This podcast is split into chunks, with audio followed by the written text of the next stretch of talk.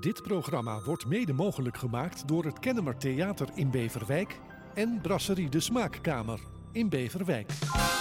Boeiende gesprekken met bekende en minder bekende gasten. Dit is Bekijk het maar met Maus Granaat. Welkom lieve mensen bij weer een nieuwe aflevering van Bekijk het maar.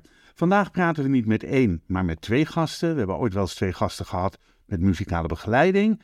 Maar met twee gasten spreken is vandaag voor het eerst. Samen vormen zij een theaterduo dat inmiddels al sinds 2010 haar oorsprong kent. Ze zijn twee androgyne verschijningen die zich middels hun bijzondere manier van theater maken weten te onderscheiden van elke andere vorm van theater. Hun theaterstijl, een combinatie tussen modern muziektheater, opera, cabaret, zoals het uit Berlijn van de jaren 30, in een mix met invloeden uit de burlesque en de hedendaagse musical maken de voorstellingen van ludiek tot een totaalbeleving. Mag ik u voorstellen aan Gerald Drent en Martijn Mulders. Welkom. Dankjewel. Dankjewel. Nou, wat leuk dat jullie er zijn. Ik vind het uh, super. Ik zeg androgyne verschijningen, daar wil ik het maar eventjes meteen mee beginnen. Um, ik zie wel wat het voorstelt, maar luisteraars die het horen, die uh, weten dat misschien niet. Wat ik van androgyn weet is uh, um, dat, dat mensen zich dan uh, voelen zich niet vrouwelijk, maar ook niet mannelijk. Of heel vrouwelijk, uh, of heel mannelijk. Of zeg ik dat verkeerd? Zeg, is eigenlijk, dat is denk ik het, het, het, mooiste aan het woord androgyn. Kijk, het is maar een, een woord ook. Ja.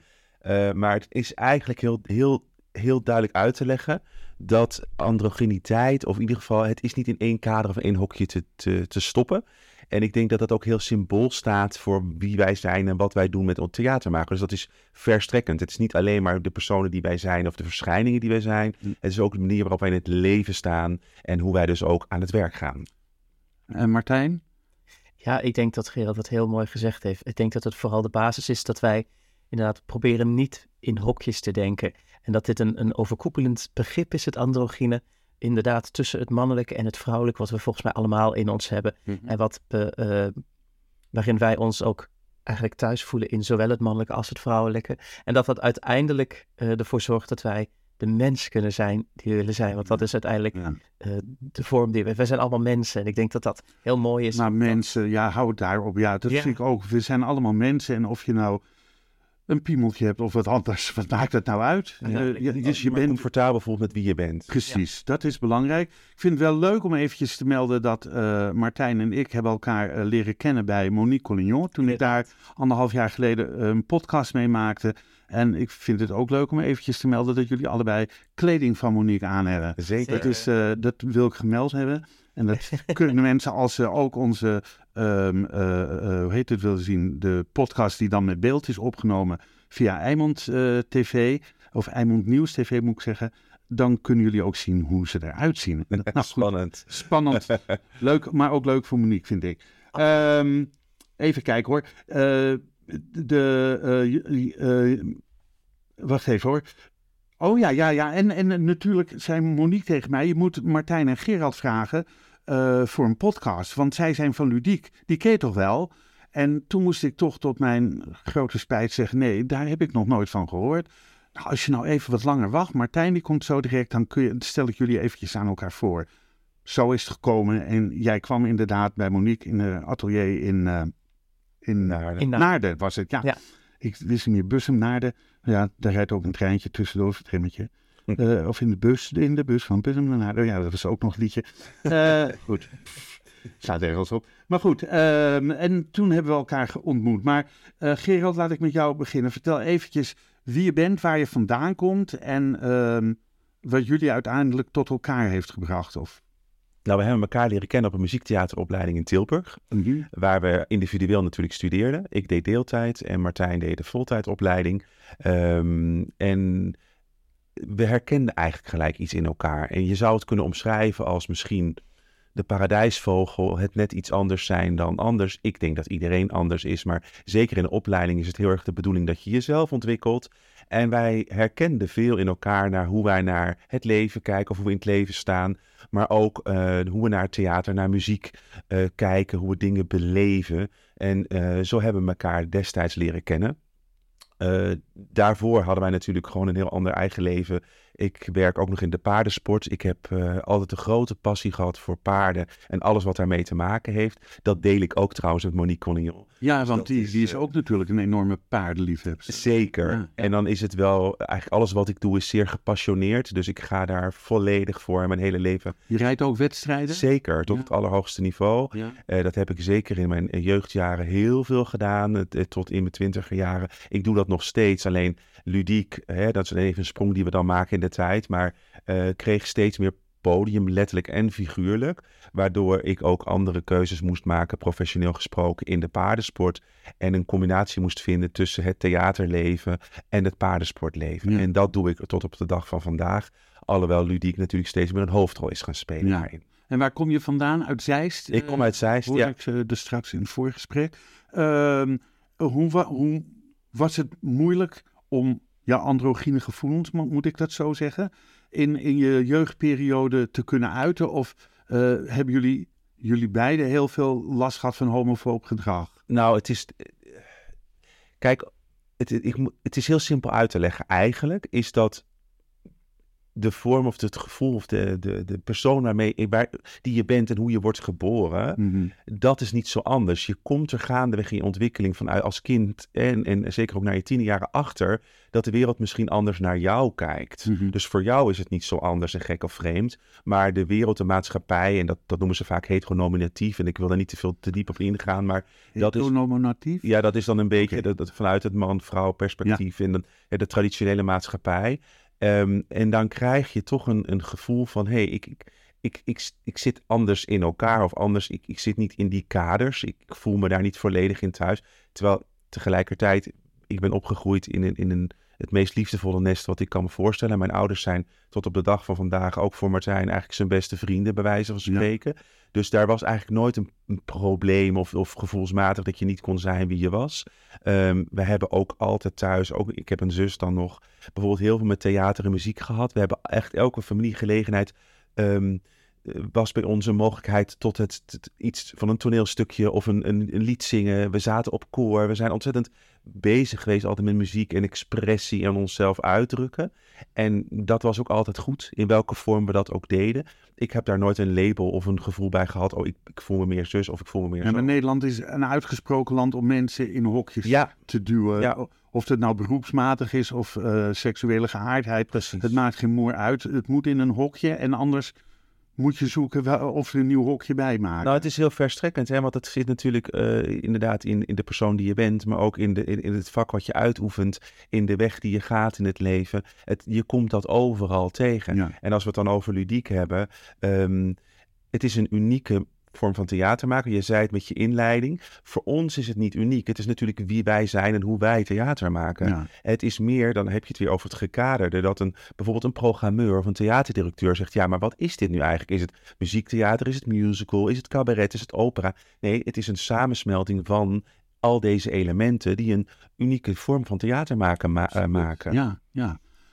Martijn. Ja, dat is het ook, om nog even in te haken daarop. Ja. Dan is het juist heel mooi dat je eigenlijk onder de overkoepelende eh, thema of het overkoepelende hokje van muziektheater kun je dan heel vaak dat wat wij maken wel ook bij de mensen ehm, onder de aandacht brengen, omdat ze dan ook weten er is muziek. Het is theatraal. Ehm, het is dan dus geen musical. Het is geen cabaret. Dus muziektheater is daar over het algemeen wel een mooi hokje om het daarin te plaatsen. En ik denk ook dat ja, en ik denk, Ja. maar ik denk ook dat dat eh, is ook inderdaad wat Gerard zei.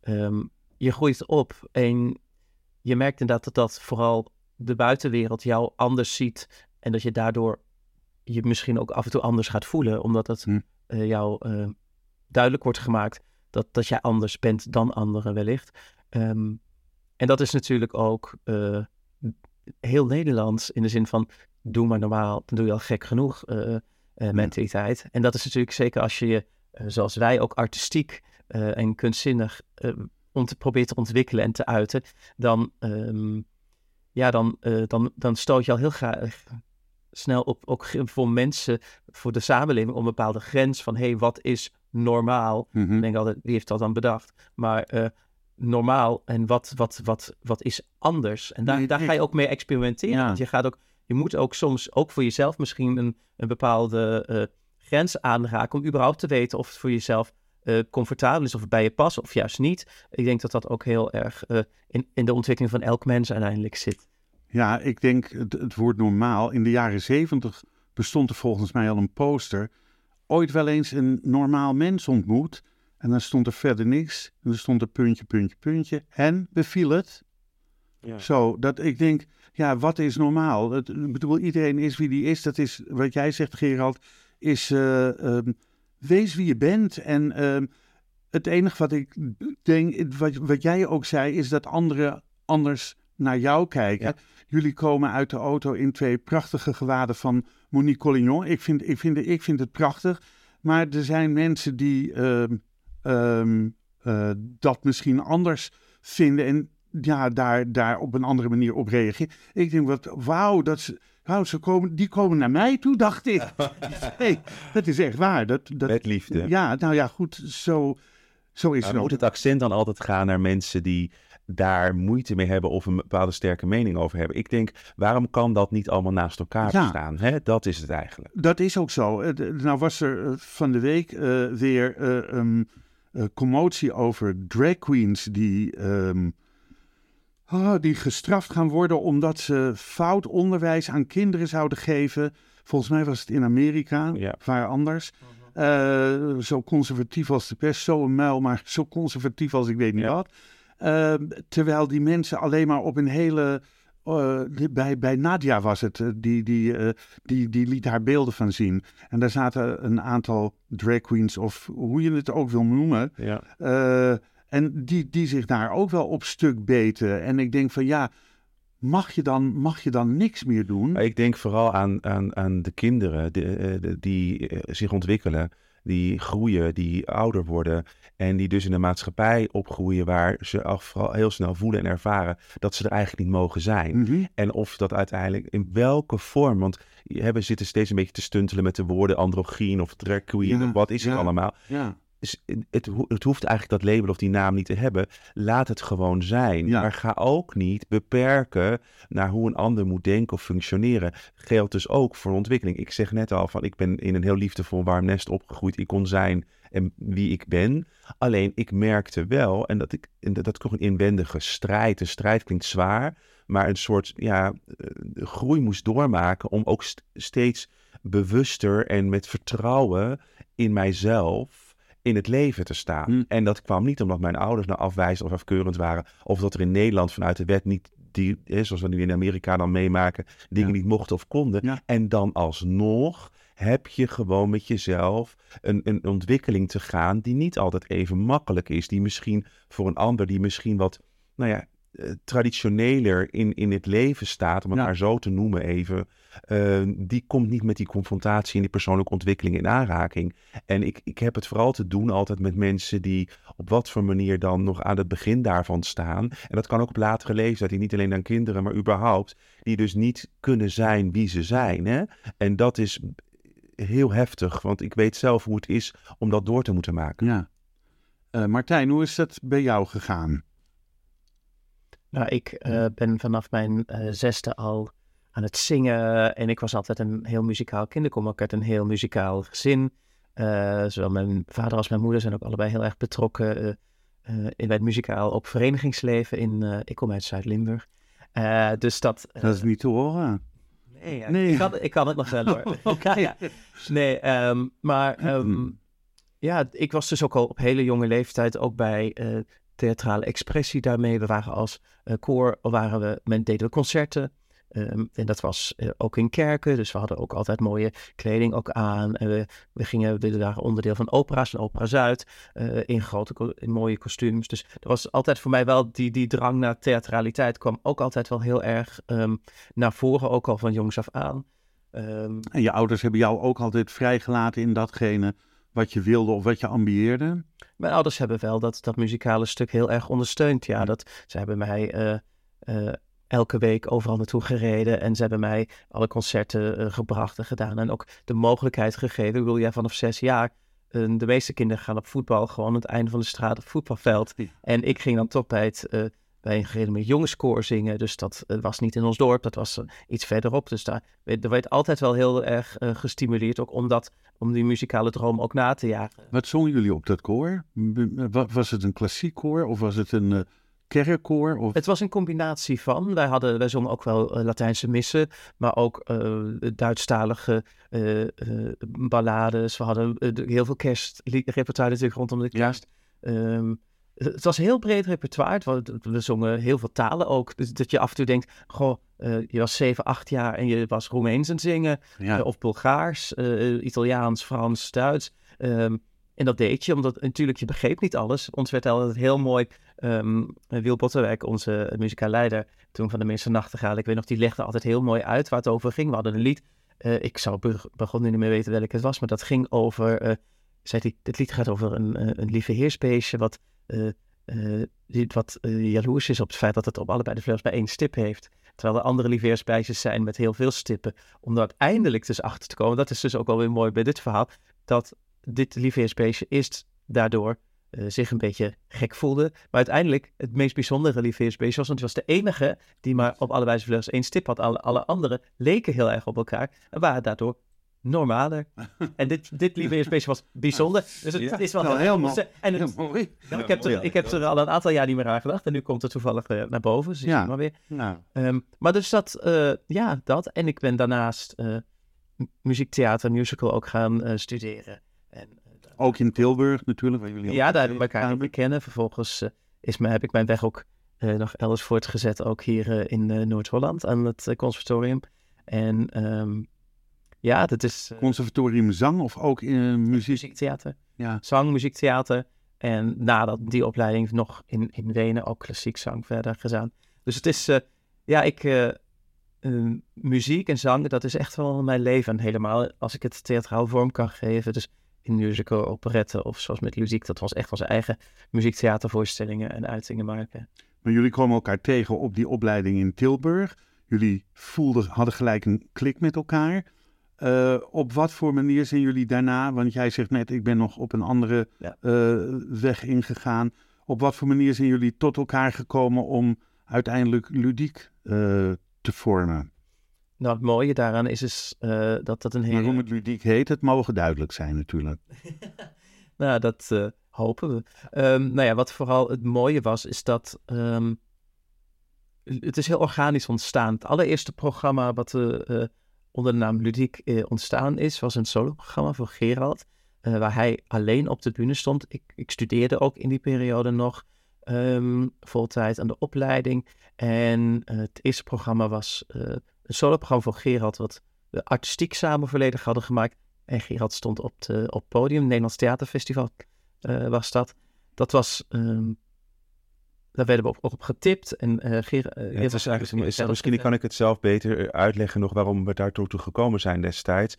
Het had ermee te maken dat we in de opleiding vooral heel erg leerden hebben het weer over kaders of boxes. Of, hè, het is heel goed, denk ik, als je het vergelijkt met een palet, dat je al je kleuren die je in je hebt leert kennis maken daarmee, uh, leert toe te passen, zowel professioneel als emotioneel.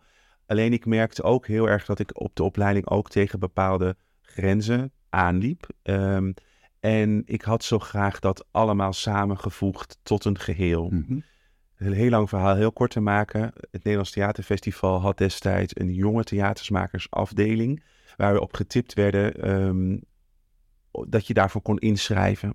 Dus wij hebben eigenlijk al onze vormen, theatervormen, ideeën die we hadden op papier gezet in een theater of in een, in een programma, kan je eigenlijk zeggen. Prachtige foto daarbij.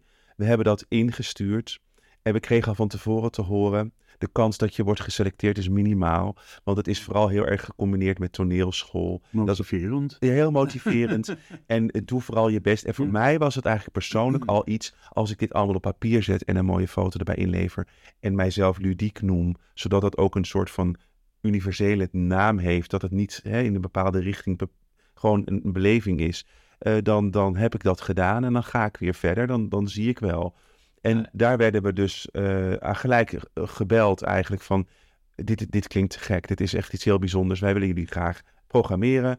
Eh, je krijgt tien dagen een theater. Eh, het was het kleinste theater van, van Amsterdam, het destijds het Parooltheater. Het Parool, dat heb ik nog nooit van gehoord. Dat is ontzettend schattig. Het is in de. Nes, achter de brakke grond. Ja, En het is dus echt in het waar je theater. vroeger Frascati had. Exact, en de- achter Frascati. Oh ja, oké. En het, het, was, het is het oude poppentheater wat ooit op de Dam stond. Dat is, Ja, dat is toen later in de, eh, in de, eh, in de Nes ook opgebouwd. Weer in een, in een heel, echt een pijpelaar eh, is dat opgebouwd. En dus je, hebt, je voelt binnen nog helemaal dat oude... Het is een mini-carré. bijzonder, Het is ja. een mini-carré. Ze hebben alles eraan gedaan om het een ultieme theatervorm of gevoel te geven. Eh, alleen het is heel klein. Er, kunnen denk ik eh, 50 mensen in of zo. Het is, het is minuscuul. ja. En daar kregen we dus de kans om dat te doen. Martijn heeft geholpen inderdaad op de, aan, aan, aan de zijlijn. Want hij deed de opleiding nog volledig en ik was daarmee klaar. Eh, en dat was eigenlijk gelijk een succes. We wonnen ook een prijs. En dat was een beetje ook voor ons een support, een soort stimulans van de mensen willen het wel zien. Want we hadden voor onszelf zoiets van, dan hebben we dat gedaan. Ja. Ook al zitten er drie mensen in de zaal, we hebben ons hart gevolgd. En dan is dat het misschien, hè? En eh, de, het publiek omarmde het eigenlijk vanaf de eerste seconde. En de kans was daardoor dat we dit jaar erop samen op de bühne een vervolg mochten schrijven eigenlijk. Dat hebben we in de Club Up, het onderdeel van De Kring, de, be- de be- bekende eh, de, de Kring op het Leidseplein, Ja. eh, mochten we een, een, een nieuwe theatervoorstelling schrijven. En werden we dus automatisch weer geprogrammeerd. Ehm, en dat was weer een, een, een verlengstuk van wat we al deden. Maar we zijn altijd bezig om onszelf als het ware te herontdekken. En dat deden we daar ook. En dat was voor het eerst ook dat we samen op de bühne stonden met onze eigen muziek of eigen geïnspireerde eh, eh, gedichten, het, het verhaal, alles wat we zelf bedacht en gecreëerd hadden. En toen merkten we eigenlijk dat we elkaar ontzettend versterkten. Op de, niet alleen naast de bühne, maar ook vooral op de bühne. Ja. En zo is ludiek eigenlijk, wat Martijn zegt, heel organisch gegroeid. Ja. Ja. Nou, wat een mooi verhaal eigenlijk. En inmiddels doen jullie het al 13 jaar.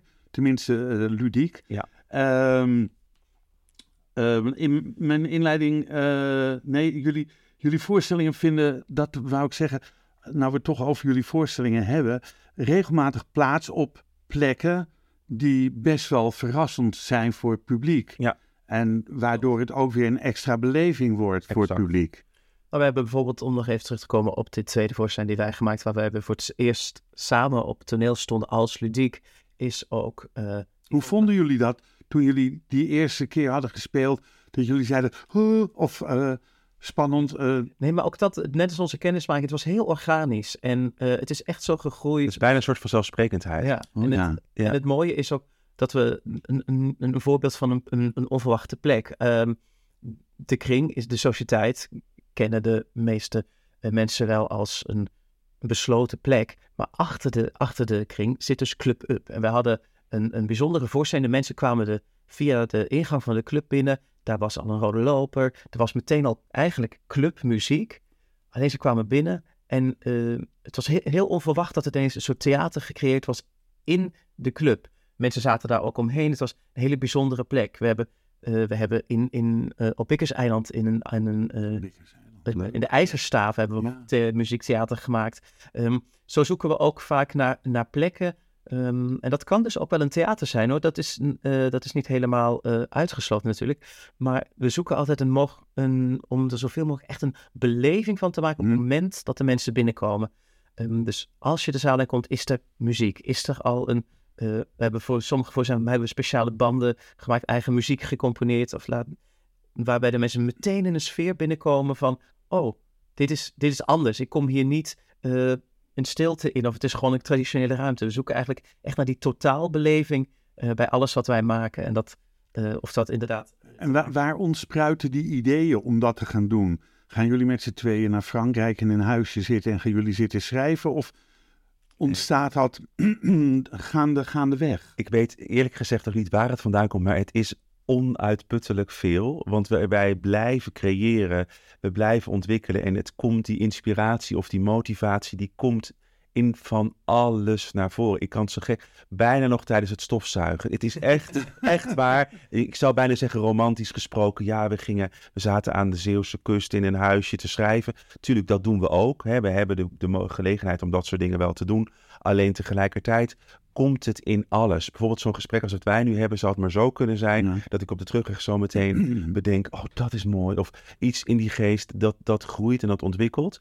En eh, door de jaren heen zijn wij gewoon ook elkaar daar steeds meer in gaan inspireren en motiveren. En dan zeg ik iets en dan gaat Martijn daarop verder van, oh ja, en dan, dan zo. En, en nou ja, zo groeit dat. Dus Dat het is, leuk. het is niet één moment ontstaan of op één plek. Of, eh, we, we, we zijn heel geforceerd nu aan het schrijven. En natuurlijk zijn er momenten als er voorstellingen gemaakt moeten worden, dat we wel echt dagenlang aan het knippen plakken in alles wat we dan doen. Eh, hè, dan ga je echt gefocust daarmee aan de slag. Maar in de aanloop daar naartoe, ja, dat is in de breedste zin des woord halen onze inspiratie vandaan. Bezield en Filijn waren jullie eerste twee Ja. voorstellingen. Ja. Ehm, wat schotelden jullie de mensen voor? Wat, wat maakte jullie zo, wat maakte Ludiek zo uniek eh, dat de mensen denken van, oh, daar komen we voor terug? Nee, ik vond het zelf. Ik, ik wil echt benadrukken dat wij vinden het niet uniek. Het publiek vindt dat dus uniek. Ja, hè? ja oké. Dus het is niet dat je. En ik wil ook aangeven dat wij nooit op, eh, bezig zijn geweest met eh, hoe kan ik ehm, op een commerciële manier, bij wijze van spreken, succes maken. Het, Ja. Bij ons is het altijd, en dat tot dag van vandaag zijn wij echt trouw gebleven aan onszelf. In de zin van wij willen laten voelen en ervaren waar het bij ons vandaan komt. En we hopen natuurlijk dat mensen dat op een of andere manier willen zien en meemaken. En, en misschien ook wel vaker komen, wat inmiddels ook het geval is. daarop mag inhaken, denk ik dat dat stukje ook juist dat is wat net een beetje ongrijpbaar is. Wat je ook in, in, in- misschien in woorden, zeker op papier, heel moeilijk kan vatten. Maar het is heel erg, wat ik al zei, die beleving. En met die beleving gepaard gaat een gevoel. En ehm, wat wij ook vaak terugkrijgen van mensen die onze vorm van theater maken, als, als ze naar ons komen kijken, ehm, ze beleven oprechte een, een liefde, een gevoel, een, een, een, een- ja, misschien is het heel gek om te zeggen, een soort inclusiviteit, dat alles en iedereen is er. En dat in dat moment dat je met elkaar, nou, dat klinkt bijna religieus, maar dat je, dat je met elkaar, een, eh, dat je met elkaar eigenlijk een soort één energie gaat vormen in die, in die ruimte waar je bent. En of dat een theaterwagen is, of dat een tent is, of dat een Buiten. theater Oude is, fabriek. buiten is, een oude staalfabriek. Het maakt niet uit. Uiteindelijk, je vormt met elkaar, er komt, er, er komt een energie vrij met elkaar, die eh, zeker ook het publiek eh, het hart doet openen, waardoor ze zich durven te laten raken door dat wat wij eh, op, het, op de bühne brengen. En ik denk dat dat Maar uiteindelijk... brengen, de is. brengen jullie iets wat, wat een voorstelling wat een thema heeft, of een rode draad heeft? Of ja, kun je, kun je daar ook iets over Nou, vertellen? Dat is dus, dat is dus ook het le- leuke aan eh, ludiek, eh, is dat wij eigenlijk met elk, nou noemt het programma of voorstelling, ehm, proberen wij een andere wereld te creëren. We zeggen ook altijd, the, the world of ludiek. Eh, wij zijn ludiek en dan de wereld eromheen. En zoals je op, op de aarde meerdere landen en zelfs continenten hebt, zo zit ook binnen ons palet aan voorstellingen ehm vilijn en bezield, eh, levenslong, From Berlin with Love, apropos, je kan het, Zara, je kan het allemaal naast elkaar leggen en het heeft allemaal raakvlakken, want overal zit dat gevoel in. Eh, tuurlijk eh, zitten wij overal in, want wij zijn de basis en de kern, Ja. maar ze, ze, ze kunnen naast elkaar bestaan. Het zijn soms totaal andere eh, vormen die we eraan geven, totaal, een, een, een totaal andere eh, gevoel waar je eh, bij eh, Zara bijvoorbeeld heel erg in een zwart-wit wereld van de film terecht kwam met From Burning With Love, heb je bijna het gevoel dat je in een Berlijnse bijna underground club in combinatie met dat cabaretjaar van de jaren twintig eh, terechtkomt. En zo kom je eigenlijk in onze wereld steeds in een andere stad, in een ander land. Ehm, en dat overkoepelende gevoel is uiteindelijk waarom het ook volgens mij heel erg leuk is, omdat je bij Ludiek elke keer bij elk programma weer eh, iets nieuws kan ontdekken binnen dat, dat gevoel van liefde en die, die mooie energie die wij met elkaar in die ruimte maken. En daarom is het ook zo fijn om het live te beleven en niet inderdaad op film of op YouTube of Ja, ik heb wel een paar YouTube-filmpjes gekeken hoor. Ja, dat, Ja, is maar heel beperkt. gelukkig. Nee, Ja. het gaat niet om ook. We hebben in de eerste jaren ook heel erg geprobeerd om het echt in het theater te houden. Of in Ja. ieder geval hè, de, de, de beleving van theater. Eh, en in dat digitale, dat hebben we pas vooral meer ontdekt. Ook tijdens de coronacrisis, waar we natuurlijk opeens niet. We waren in Frankrijk, we zijn Frankrijk een soort van uitgevlucht destijds. Nou, Eh, letterlijk om eh, Nederland nog te mogen zijn. Want eh, de grenzen gingen dicht op die avond. En wij hadden onze pre- Franse première van. eh, Tijdens eh, corona. Ja, exact. Oh ja, ja, ja. dus toen hebben we wel wat meer ook dingen opgenomen en digitaal ook gebracht, om het maar zo te noemen. Maar tot die tijd vonden we het en nog steeds het gevoel wat je kunt creëren in een, in een, nou, in een ruimte of een plek waar je met elkaar samen bent. Ja, dat is iets unieks. Ja. Dat kan je bijna niet vastleggen. Maar we hebben wel ontdekt, en dat is wel heel erg leuk voor onszelf, ook als je het hebt over jezelf of je product ontdekken, dat we dat wel heel goed kunnen. Dus we kunnen wel heel goed dat gevoel en die emotie ook via camera of, of, of nou ja, op wat voor media manier dan ook eh, overbrengen. Want dat was heel mooi dat dat, dat, dat geleid heeft tot ook weer unieke beelden.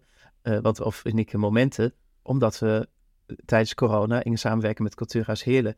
eh, hebben we eerst een, heel mooi kerstconcert mogen opnemen. En van ons programma From Berlin With Love... hebben wij een soort highlight versie van een uur en een kwartier... eh, samengevat, eh, opgenomen in het theater. Zonder publiek. Was best, er zaten een aantal medewerkers in de zaal van het theater die er toch mochten zijn. Zodat er wel aanspraak was voor ons, maar het is opgenomen zonder publiek. En dat heeft er zelfs tot geleid dat we in de gerenommeerde Cinema Royal in Heerlen uiteindelijk zelfs een, een, een hele avond is geweest waarop eh, onze voorstelling in de bioscoop terecht is gekomen.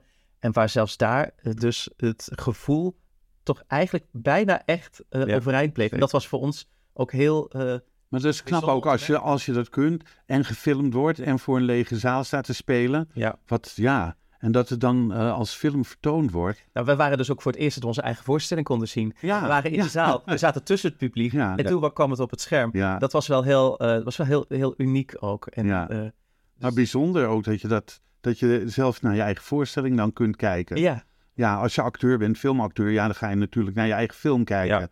Maar als je, zoals jullie het hebben gedaan, is niet de manier die heel vaak voorkomt. Ehm je noemde net een, een aantal keren de, de naam Zara.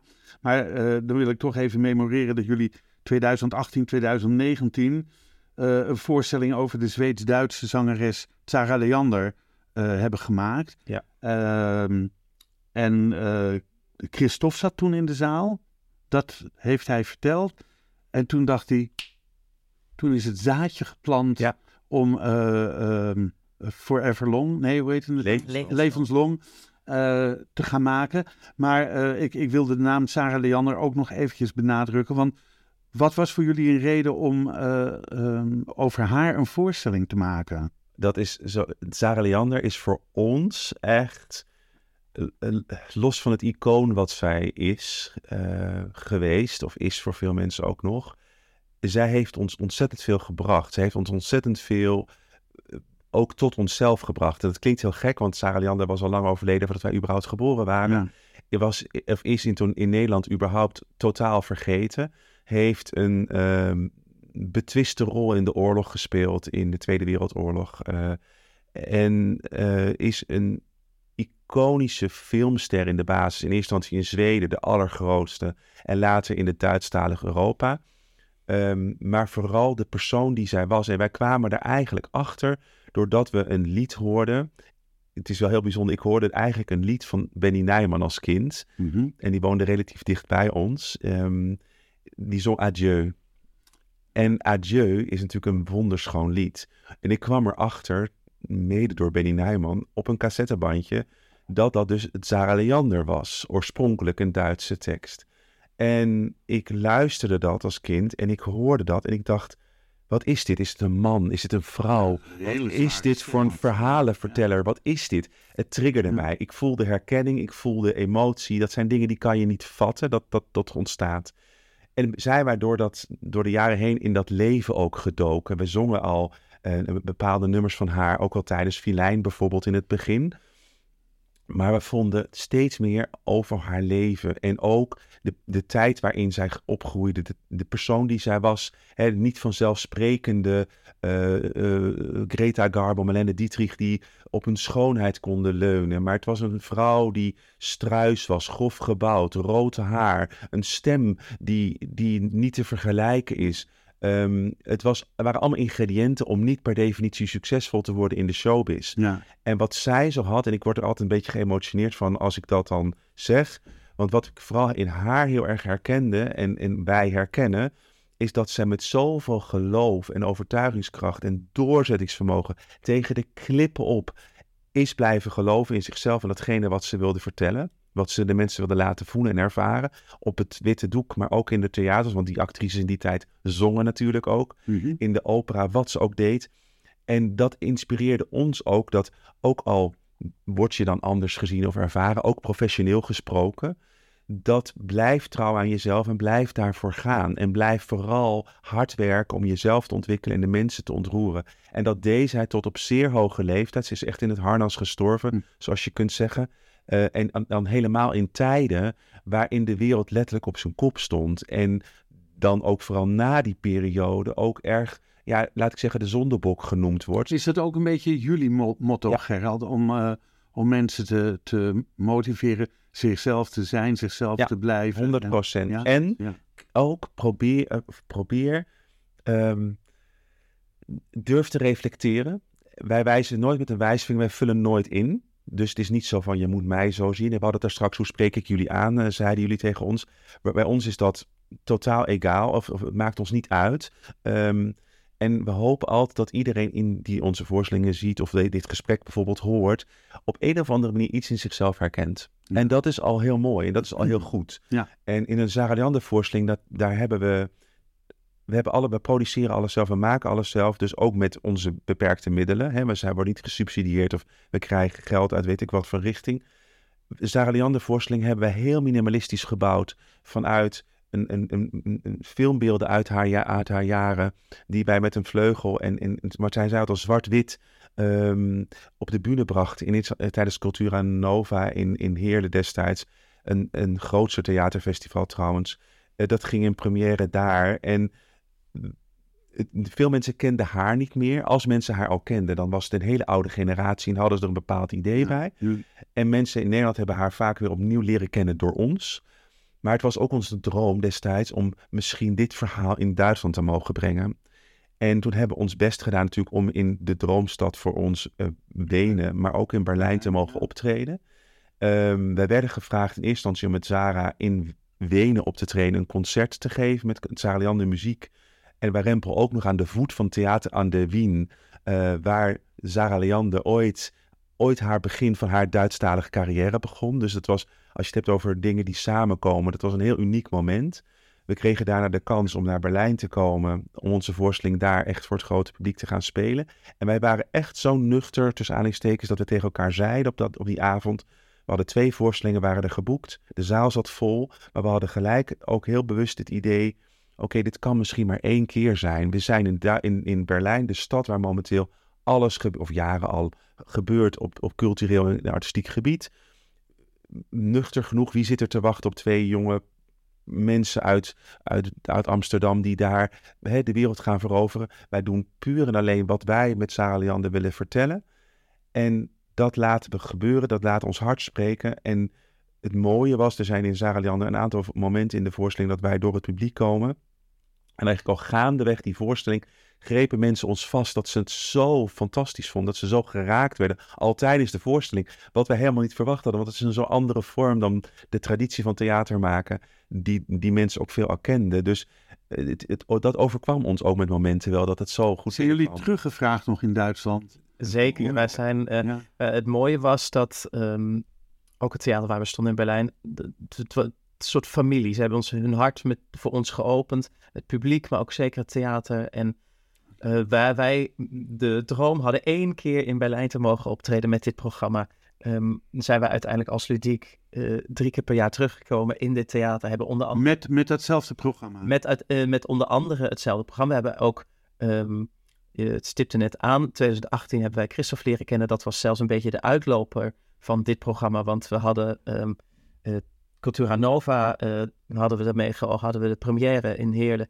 Vervolgens hebben we het Til Fringe Festival met deze voorstelling mogen winnen. En hebben we als oorspronkelijke eh, kerst op de taart mochten wij een, een concert in het concertgebouw geven. Dat heette dan, het was niet de voorstelling, dus niet Sarah Zonde van de Liefde, maar Ludiek leeft Leander. Het was een, een, een concert waarin we ook nummers die we niet in de voorstelling konden, eh, in het verhaal konden voegen, toch eh, een mooie podium konden eh, bieden. En daar hadden we ook een hele mooie gastzangeres, Karin Pakma, is speciaal gekomen. Ook een, een Zweedse contra-alt, die heeft met ons dat prachtige concert gedaan. En de vraag naar de voorstelling bleef. Dus ontstond er 2017, 18 ook nog een, nog een extra reprise tour, waar we uiteindelijk godzijdank ook Christophe hebben mogen kennen. en het mooie is inderdaad dat, ehm, dat dat wel de basis heeft gevormd van onze, uh, van onze, onze zicht echt op muziektheater. Want um, wat, wat we al zeiden, de eerste programma's, nou, over, ze zijn ons niet helemaal overkomen, maar het was een, een, een heel pril begin waar we begonnen zijn op het Nederlands Theaterfestival. En ook dat het zo omarmd werd, dat was voor ons natuurlijk bijna niet te vatten. Nee de voorstelling Zaga was de eerste keer dat we echt heel gericht een avondvullend programma zijn gaan schrijven. Wat, um, wat alle theaters, wat je dus inderdaad ook in meer talen zou kunnen uh, op, opvoeren. En dat is mijn volgende vraag, want jullie moesten het in het Duits gaan doen. Ja. Nou zong Sarah Leander natuurlijk heel veel Duits. Ja. Dus dat was een, voor ons een voordeel dat we dus de liedjes al grotendeels al in het Nederlands of in het Duits kenden. Uh, de teksten hadden we allemaal in het Nederlands natuurlijk. Ja, de verbindende teksten in, als je in Berlijn staat, moeten dan natuurlijk wel weer in het Duits. Ja, dat klopt. Die, zijn, die hebben we toen vertaald. Maar er schuilen twee oude Duitse diva's in ons. Dus Duits is onze ah, tweede taal. Ja. Natuurlijk heb ik zo'n Ja. Nee, dat is wel waar. En ook daar zijn we het kinderkoor uh, vanaf zes jaar heel dankbaar dat we nog heel veel Duits hebben gezongen. En Roemeens, niet zo En niet um, nee, maar um, daarmee is de voorstelling uh, uiteindelijk inderdaad ook naar Berlijn gegaan. Daar is ook ons, vol, uh, ons andere programma uiteindelijk in dat theater in première. Nou, ze bleven ons dus terugvragen. Dat is het leuke met Sarah Leander. Het bracht ons naar Wenen. Uh, het, het, het, heeft ons naar zoveel plekken in Duitsland gebracht. Duitsstalig Europa moet ik eigenlijk zeggen. Um, en toen kregen we zoveel vraag van kom vaker spelen. Maar ook in het theater waar we al geweest waren. En er was ook de vraag van heb je al niet een, een opvolger van dit programma? En Martijn zei het al heel mooi. We hebben, Zaredander kwam voor het eerst echt alles samen. Dat je naar een, een totaalconcept van een avondvullend programma kwam. En toen wilden we heel graag natuurlijk een, een, waardige opvolger maken. Hmm. En dat is bij ons niet afdwingen van dan en dan en dan is die voorstelling klaar. Dus we hadden zoiets van, hoe krijgen we een mooie, waardige, kwaliteitsvolle voorstelling waar de mensen hè, weer op hetzelfde niveau op een andere manier geraakt worden. En toen was het eigenlijk voor ons heel organisch dat er de voorstelling From Berlin with Love, de titel zegt het al, aangaf, of uh, ontstond eigenlijk omdat Berlijn, waar we dan ooit terecht kwamen, die ons al zoveel gaf aan, aan emotie, gevoel, aan, aan, aan artiesten, aan, aan mensen die heel inspirerend voor ons überhaupt naast Sarah Leander waren. Zoals een Marlene Dietrich, zoals een Hildegard Kneef, enzovoort, enzovoort. Maar ook de klassieke. Uh, toen ontstond er eigenlijk, en dat is ook weer vrij organisch gegaan, de voorstelling From Burning with Love. In eerste instantie zagen we dat een beetje als een tussen meer uh, concertavond, concerttheatervoorstelling. Ja, wat... Ik zou mag aanvullen, om, omdat onze mentor Lex Nelissen uh, ons uh, vroeg of wij uh, op dat moment uh, voor hem iets nieuws wilden maken. En onze wederzijdse liefde voor Berlijn heeft inderdaad ervoor gezorgd dat we dat thema ook, de stad Berlijn, een ode, een liefdesverklaring aan die stad op de bühne gebracht ja, hebben. Dan, dan sla je wel, denk ik, de spijker op zijn kop als je in Berlijn speelt en de mensen die naar jullie komen kijken en jullie een, een hommage brengen aan die stad. Ja, het is de stad en het, het Duitsstalige oeuvre überhaupt. Het is breder dan de stad. Ook ons eigen werk komt daarin voor. We schrijven natuurlijk zelf ook muziek of zetten bijvoorbeeld gedichten op muziek. Dus dat, dat zijn dingen die daar ook in voorkomen. Maar het leuke en hoe dingen dan ontstaan. Uh, we hebben de première van deze voorstelling in, in de Duitsstalige première in Berlijn. Er komt na afloop, we proberen altijd de mensen te ontmoeten naar de afloop van de voorstellingen. De mensen een soort meet and greet zou je het kunnen noemen. Mm. Maar zeker in Duitsland hechten ze daar heel veel waarde aan. Dus mensen staan echt in rijen te wachten tot ze je wat kunnen zeggen of een, een handtekening. En wij zijn echt veel te nuchter. We hadden niet eens van die autogramkaarten zoals ze dat noemen. Dat hebben we allemaal later gedaan. Maar goed, een lang verhaal kort te maken. Er kwam een Fransman naar ons toe en die zegt: Ik vind dit zo bijzonder, ik wil jullie naar Frankrijk halen. En voor ons was dat hele verhaal al naar Berlijn, Duitsland, Wenen, was al zo bijzonder dat we dat überhaupt niet voor mogelijk achten. Dus wij dachten ook: Het is een aardig compliment maar daar horen we nooit meer wat van. En de volgende ochtend kregen we een e-mail. Wat kan ik doen om jullie naar Frankrijk te halen? En toen hebben we nog binnen een jaar onze Franstalige première van From Burning with Love gespeeld. Um, en is dat het, de basis geworden van onze ja, carrière, onze uh, tijd in Frankrijk, die uh, tot en met de coronaperiode en daarna uh, duurde. Ja, Een voordeel, de eerste voorstelling van Berlin with Love hoefden we niet in het Frans te doen. Die werd Deels heel in mooi, het Frans. Deels wel, Ja. maar wat heel mooi was, die werd boventiteld.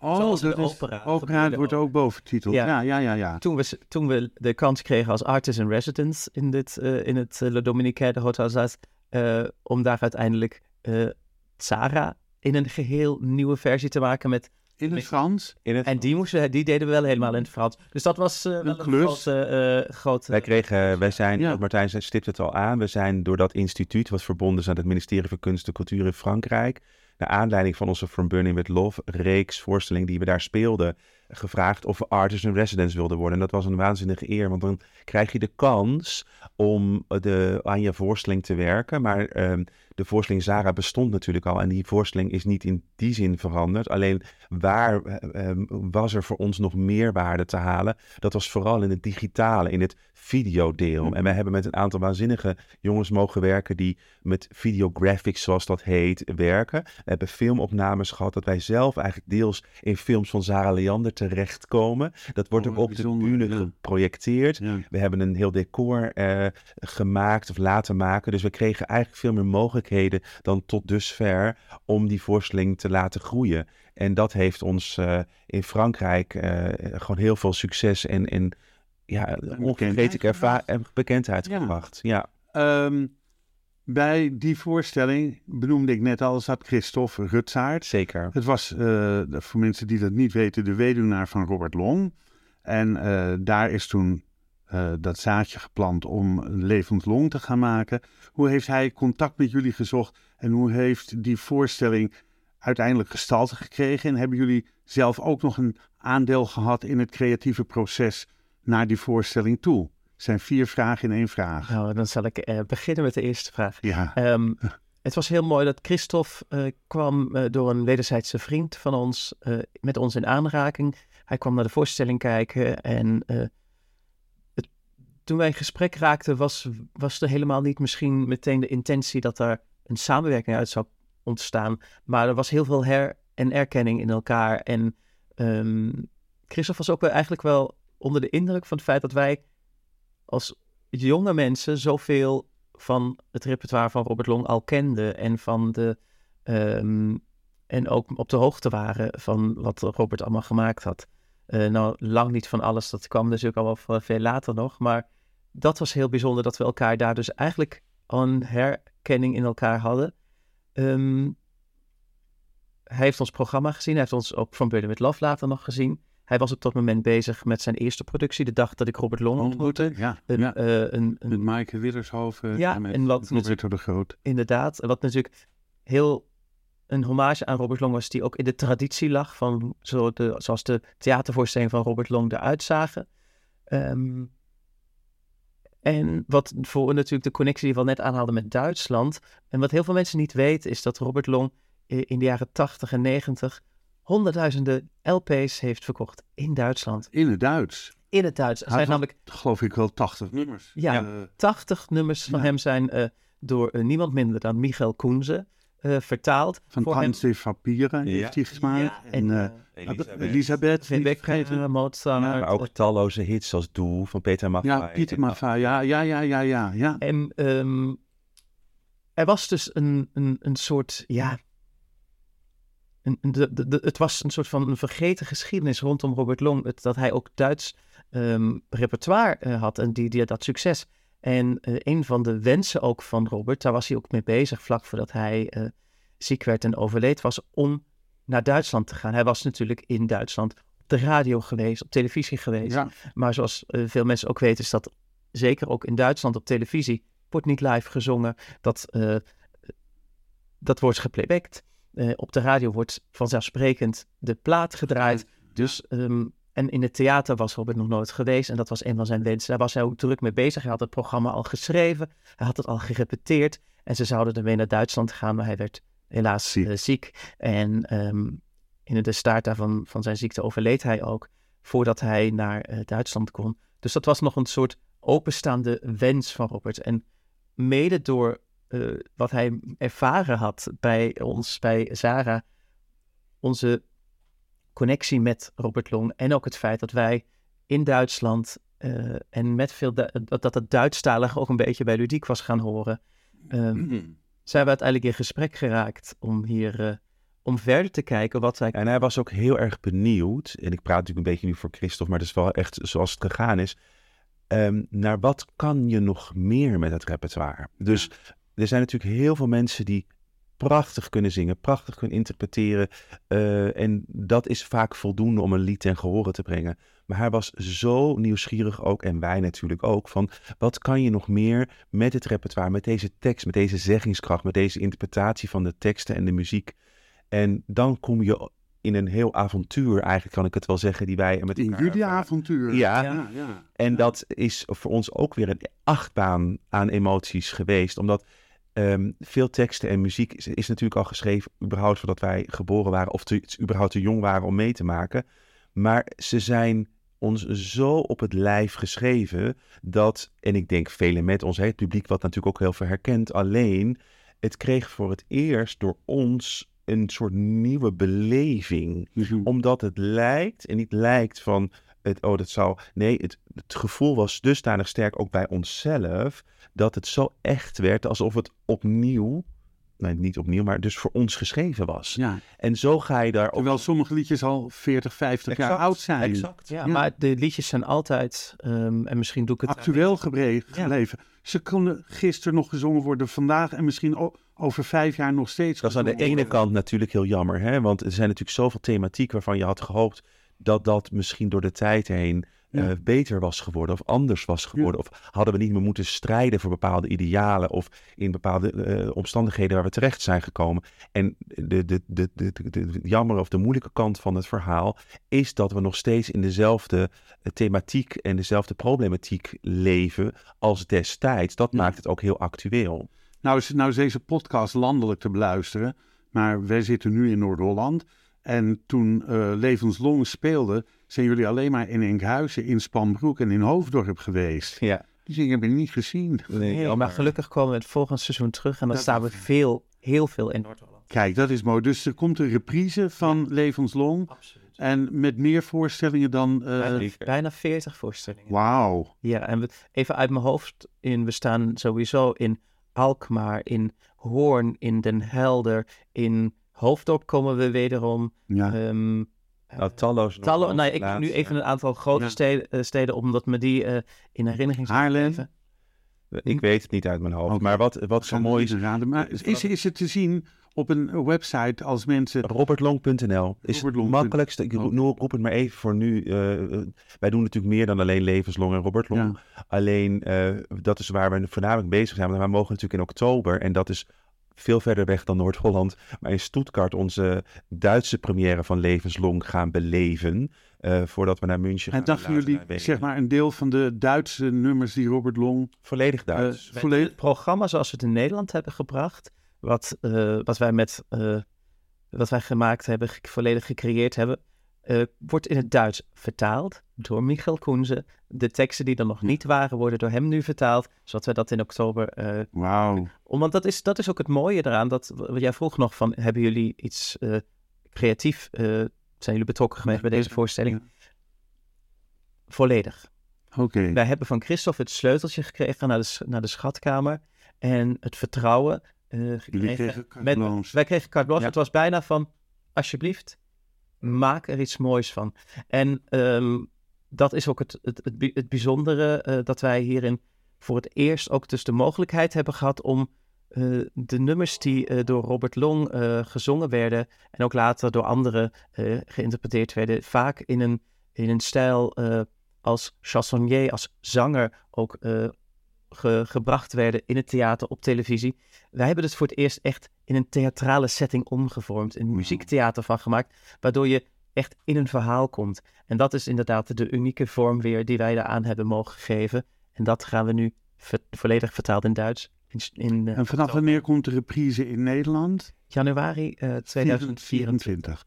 Oké, dus van oktober tot januari staan jullie in Duitsland met de Duitse versie En Oostenrijk, ja. Ja. en Oostenrijk. Ja. Nou, geweldig.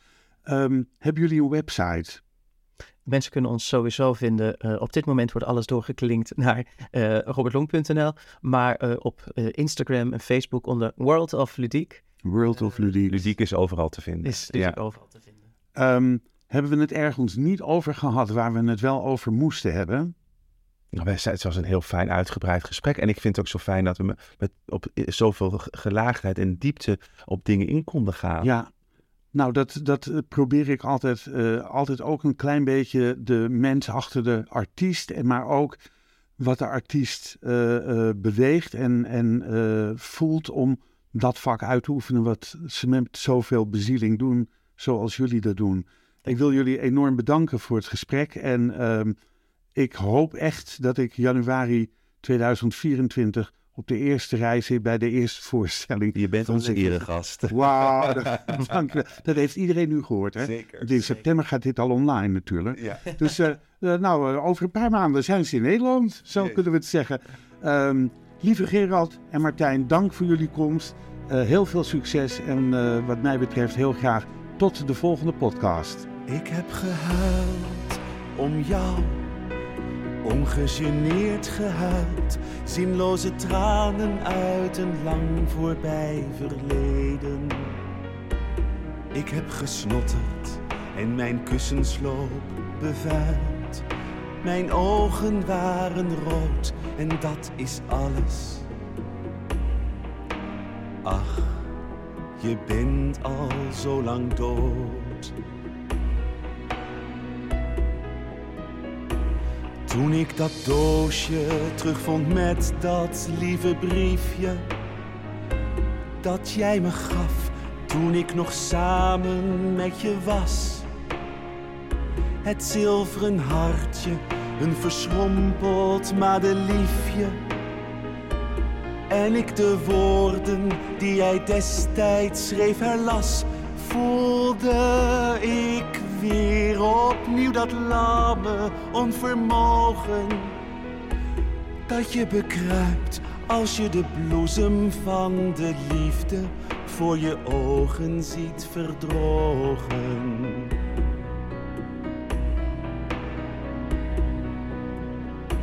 Ik heb gehuild om ons, maar niet om ons alleen. Misschien was het ook verdriet om alles wat teloor gaat. Om alle hoop die is vervlogen om ons heen. Het geluk, de dromerij, de grote liefde. Ach, het gaat allemaal voorbij.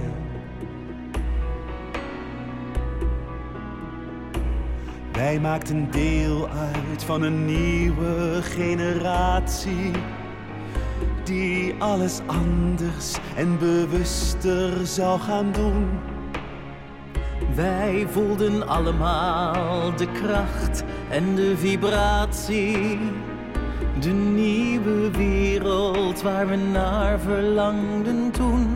Maar alles wat een mens bezit aan idealen, dat moet hij later als hij ouder wordt met spijt en pijn en tranen terugbetalen. Dit programma werd mede mogelijk gemaakt door het Kennemer Theater in Beverwijk en Brasserie de Smaakkamer in Beverwijk.